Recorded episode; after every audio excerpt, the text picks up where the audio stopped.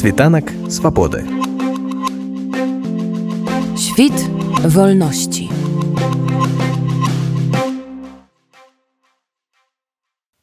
Падаранні Кацярына вось днямі з'явілася інфармацыя пра тое, што міжнародны крымінальны суд выдаў ордер на арышт прэзідэнта Росіі Владзіміра Пуціна, а таксама паўнаважаную па правах дзіцяці расійскай федэрацыі Марыі Львовай Беловай. Ці можаце вы распавесці, што гэта такое ўвогуле ордер на арышт ад міжнароднага крымінальнага суда, як гэты механізм працуе, які наступствы ён можа выклікаць для тых, на каго ён распаўсюджаны і для тых краін, якія ўдзельнічаюць у гэтым механізме ордер на арест выдается международным судом по представлению прокурора когда прокурор э, сочтет что у него уже достаточно доказательств для того, чтобы предположить, ну, потому что окончательно, естественно, вину устанавливает суд, но именно сейчас стандарт доказывания разумное основание полагать. Так вот, когда у прокурора уже набирается достаточно доказательств, что есть разумное основание полагать, что вот конкретно эти люди совершили эти конкретные преступления, то тогда прокурор запрашивает э, выдачу ордера на арест этих э, лиц. Ну вот и этот ордер выдан выдался. Э, это значит, что э, человек э, находится в статусе подозреваемого, ну, люди, на которых выдается ордер. Есть конкретное преступление, в совершении которых он подозревается. В данном случае для Путина и Львовой Беловой это два состава два состава военных преступлений. То есть это вообще военное преступление, в чем их обвиняют. Просто военных, у военных преступлений есть э, много видов разных, да, и составов подпадают под это понятие. Так вот, э, их обвиняют по двум составам. Это незаконная депортация или перемещение – и отдельно э, депортация или перемещение населения оккупируемой территории оккупирующим государством. Вот. Причем э, у Путина э, как бы двойное обвинение. Его обвиняют помимо того, что он сам лично это совершал это преступление определенными действиями, но еще и он как э, по статье идет ответственность командиров и других начальников за ненадлежащий контроль над своими подчиненными, ну то есть над Львовой Белой, соответственно. А ее обвиняют только в, в личном участии, да. Ну и, собственно говоря, прокурор называет три основные действия, вот по совокупности которых э, у него появилось достаточное основание полагать, что эти люди совершили эти преступления. Во-первых, сам вывоз детей, во-вторых, их передача в семьи для усыновления, и в-третьих, изменение законодательства декретом э, президента, чтобы ускорить получение этими детьми российского гражданства, облегчив таким образом их усыновления российскими семьями. Из этого прокурор делает вывод, что это не вывоз с какими-то гуманитарными целями, там, чтобы их спасти от войны и так далее, как это представляют российские власти, а это э, незаконная депортация с целью намеренно вывозить детей из их страны, насильственно их ассимилировать, что главное, да, и лишать национальной идентичности. А, ну и прокурор отмечает, э, что дети таким образом практически используются как военные трофеи. Это суть э, собственно самого ордера. Якія далей крокі могуць быць падпрынятыя што гэты ордер азначае? Якія ён дае паўнамоцтвы каму? Альбо як абмяжоўвае правы таго ж самого Пуціна і той же самой львовай беловой в первую очередь Важно сказать, что этот ордер, он бессрочный, и прокурор э, лишний раз подтвердил, то есть вообще по статуту э, ордер выдается до тех пор, пока суд не распорядится об ином, но вот прокурор на следующий день после выдачи ордера или там через день подтвердил, что этот ордер пожизненно будет действовать э, для них, пока они не предстанут перед судом или пока они не, если будут оправданы, да, то есть а в других случаях он, то есть он будет действовать пожизненно. Основное юридическое последствие заключается в том, что страны-члены статута римского должны выдать таких людей, как только они появляются на их территории. Ну и в настоящий момент это 123 страны мира – вот, и у всех у них есть обязательства. То есть эти передвижения таких людей, которые находятся вот э, под, под ордером МУС, они отслеживаются, и как только они попадают на территорию страны-участницы статута, то э, сразу же суд э, запрашивает у этой страны правовой помощи, то есть выдачу, ареста, выдачу. Они должны быть там арестованы и выданы. Конечно, э, как это происходит на практике, если говорить о действующих или бывших, ну, вообще людях уровня Путина, да, потому что с ней-то на самом деле меньше проблем с этой вот Львовой Беловой, потому что у нее и э, иммунитета нету, у нее и, ну, и она, в принципе, не та, кого будут бояться, наверное, эти страны арестовать. Ну, в общем, с ней меньше проблем. Но с ней же и меньше вероятности, что она куда-то поедет, потому что, в принципе, вряд ли вот, ну, хотя кто знает. Но что касается уровня главы государства, то в истории УС и других э, международных э, судов и трибуналов э, не было случая, когда арестовывали и выдавали суду действующего главу, но случай э, выдачи и придания суду главы бывшего, да, бывшего главы государства, эти случаи были, и Путин, он шестой в этом ряду.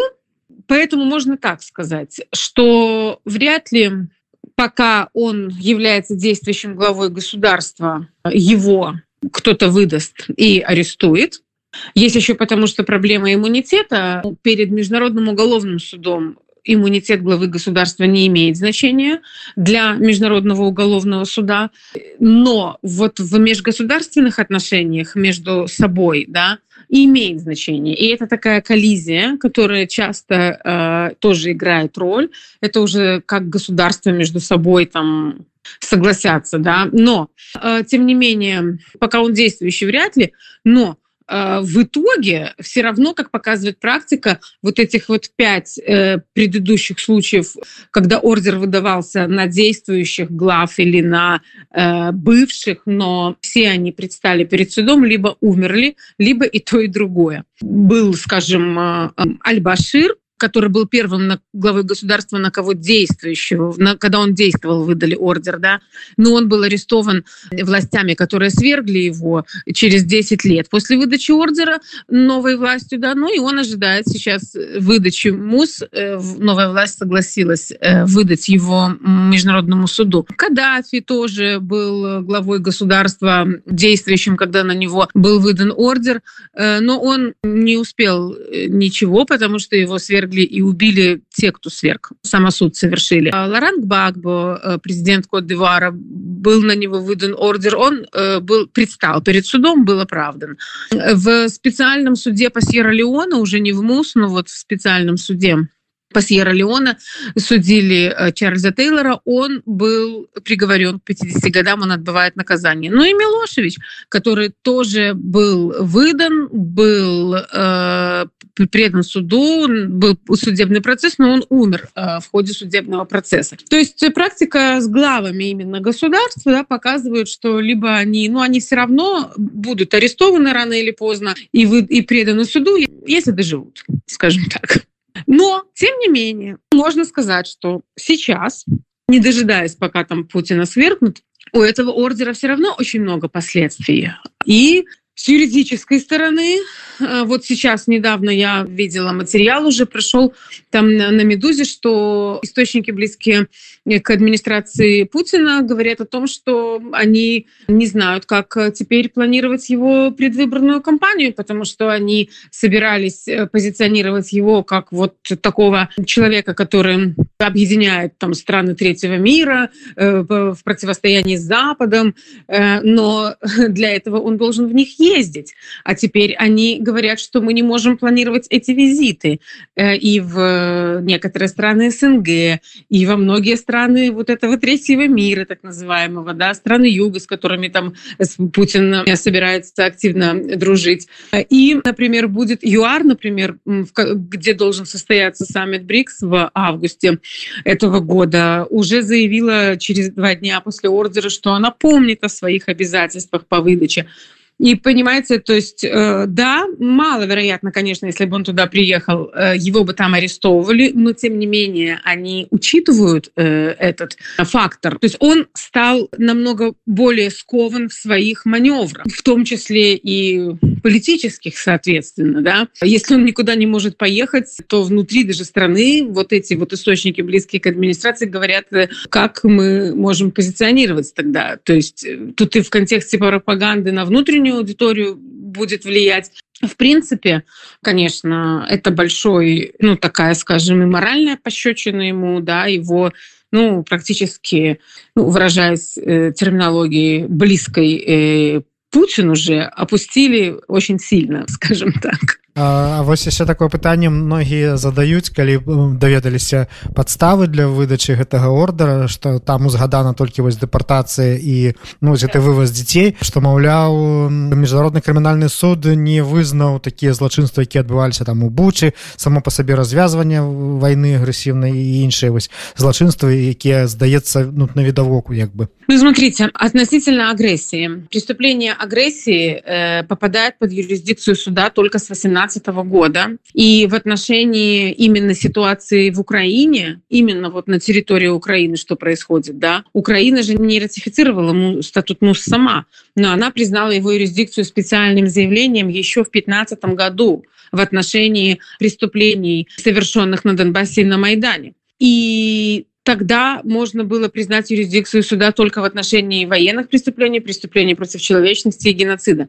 Поэтому в отношении российской агрессии на сегодняшний день, именно агрессии, само, самой агрессии, да, преступления, э, МУС не имеет юрисдикции. Именно же поэтому встал вопрос о создании отдельного трибунала для Путина и Лукашенко. Вот резолюция, которая была Европарламента недавно, Совета Европы, именно поэтому. Потому что такой как бы получилось немножечко пробел такой юридический. Это касается агрессии. Что касается другого всего, Буча там и, то есть других военных преступлений, да, потому что я подчеркиваю, вот эта депортация детей, э, это тоже военное преступление. Но что касается других военных преступлений, еще раз э, обращу внимание, что стандарт доказывания для выдачи ордера разумное основание полагать. И Международный уголовный суд, вообще уголовная индивидуальная ответственность на международном уровне точно так же опирается на общие принципы уголовного права и принцип виновности в первую очередь. То есть для того, чтобы выдавать ордер, важно, чтобы были доказательства, именно вот разумные основания полагать, что именно эти преступления – Э, совершались именно этими людьми, да, лично. И в данном случае, почему дети, э, да, пошли первые, и надо сказать, что это может быть совсем не единственный, и вероятнее всего будет ордер, потому что может быть их несколько на разные преступления. Именно потому, что, во-первых, значит, набралось достаточно доказательств э, для того, чтобы выдать ордер по стандарту доказывания, пока только на это важно, опять же, здесь понимать, что как бы суд работает, это правосудный суд, это суд, который соответствует принципу справедливого судебного разбирательства.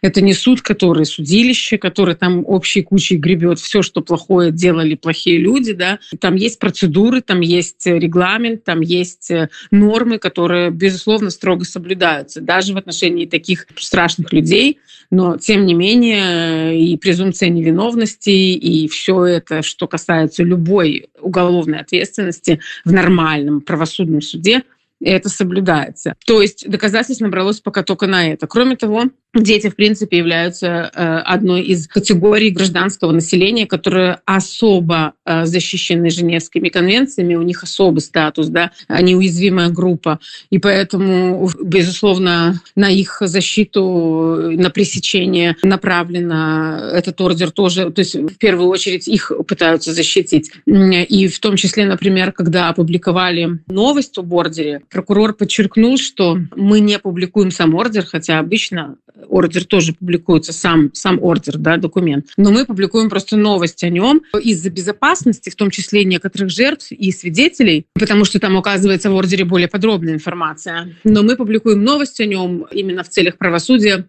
и для того, чтобы пресечь и остановить то есть это как сдерживающий фактор, да, чтобы вот поняв, что за это уже есть ордер, чтобы дальше так не делали, потому что продолжается же этот вывоз. И надо сказать, что опять же тому, что это оказалось доказать быстрее всего, в этом, собственно говоря, большой вклад самих российских властей и их пропагандистов, потому что, говоря про какие-то гуманитарные цели вывоза этих детей, постоянно они подчеркивали прямым текстом открытым, что они хотят их каким-то образом деукраинизировать, э, каким-то образом э, пресечь и прекратить их антироссийские там настроения, да, с которыми они приезжают. Говорили, что они все там пропитаны антироссийской пропагандой, и вот мы с этим будем работать, и все такое прочее. То есть они сами э, очень сильно облегчили работу э, Международному суду в этом плане. Калі вы ўжо ўзгадалі тут зараз адказваючы на это пытанне лукашенко наколькі ёсць імавернасць атрымання нечага падобнага для кіраўніка де-факта беларусі Вообще есть, конечно, за агрессию и за преступление против человечности, за которые он ответственен, э, которые под его началом и руководством совершались в Беларуси в связи с президентскими выборами. Да? Но другой вопрос, в какой инстанции и, и когда. В контексте войны в Украине вот э, все, что касается там совершения военных преступлений и вот всего остального, за что вот ордер выдали на Львова, Белову и Путина, вряд ли Лукашенко э, что-то тут грозит, потому что, опять же, повторюсь, это принцип виновности личной а, и виновность означает, что человек осознает конкретно это действие, что оно преступное, что он делает вот конкретно это и осознает это. То есть э, важно его личное участие в этих преступлениях. Да? Вот Путин, например, подписал этот декрет про получение российского гражданства этим детям, чтобы их легче ассимилировать в российских семьях. То есть вот это личное участие, он это осознавал. Ну, понятно, что действия Львовой и Беловой тоже. То есть, понимаете, в уголовном праве паровозиком пойти нельзя, то есть должна быть доказана твоя личная вина за хоть какую-то часть э, деяния. Ну, у Лукашенко однозначно это ну, вряд ли э, можно здесь говорить э, о возможности доказать вот его личную, личную вину в, в этом. Поэтому в связи с Украиной самый вероятный вариант, э, за что он может быть судим в международном суде в связи с ситуацией в Украине, с войной, это агрессия. Его личная ответственность за агрессию.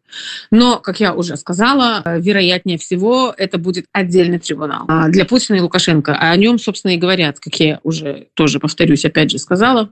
Ну а с преступлениями против человечности, касательно уже белорусских э, событий наших, да, это возможно и в международном суде, если новые власти белорусские э, специальным заявлением признают юрисдикцию этого суда, а вот как Украина сделала вот в свое время, да, именно юрисдикцию в отношении этих э, преступлений, совершавшихся вот на территории Беларуси там в такой-то период. И тогда э, можно будет, по крайней мере, обратиться в суд с тем, чтобы суд рассмотрел вопрос о том, может ли он ну, принять к рассмотрению это дело. Это один вариант. Но второй вариант, э, наиболее вероятный, это смешанные гибридный трибунал, который может образоваться, если, опять же, как правило, они образуются, когда международная организация заключает соглашение с государством, в котором образуется трибунал. А вот как тот же суд по Сьерра-Леоне, там в Камбодже были, в Косово такой трибунал. Там половина международных судей, половина национальных. И вот это называется смешанный трибунал. Он как бы часть национальной судебной системы, он вот временный тоже для конкретных вот преступлений, совершенных на этой территории в этот период. Ну вот такой еще вариант возможен. Но в любом случае, то, что касается Беларуси, это, возможно, будет, безусловно, после свержения режима, когда новая демократическая власть придет. А что касается агрессии в отношении Лукашенко, то если международное сообщество немножко поторопится, да, и, и э, вот этот вопрос с трибуналом по агрессии будет пушить быстрее и активнее, и он будет создан, то вполне вероятно, что ордер э, на Лукашенко будет выдан и до того, как э, режим падет. Хорошую, знаете, тезис сказал президент Международного уголовного суда, когда свое видеообращение записывал по поводу ордера Путина. Суд свою работу сделал, Дальше вопросы э, за сотрудничеством международного сообщества да, и за международным сообществом. Это касается и исполнения ордера на Путина, но это же касается точно так же и создания механизма для, э, по агрессии для Лукашенко и Путина. Вот сейчас мы видим, что там Евросоюз вроде как Генеральная Ассамблея это все как бы делегирует надежду на нее, э, себя это как-то пытается скинуть, наверное. Ну и, в общем, если они в этот футбол будут играть долго, ну то тогда все и будет долго. Если они, э, ну, понимаете, это ответственность международного сообщества, а не только конкретного там какого-то суда. Это все зависит от того, насколько международное сообщество будет э, шевелиться. Світанак свабоды. Świt wolności.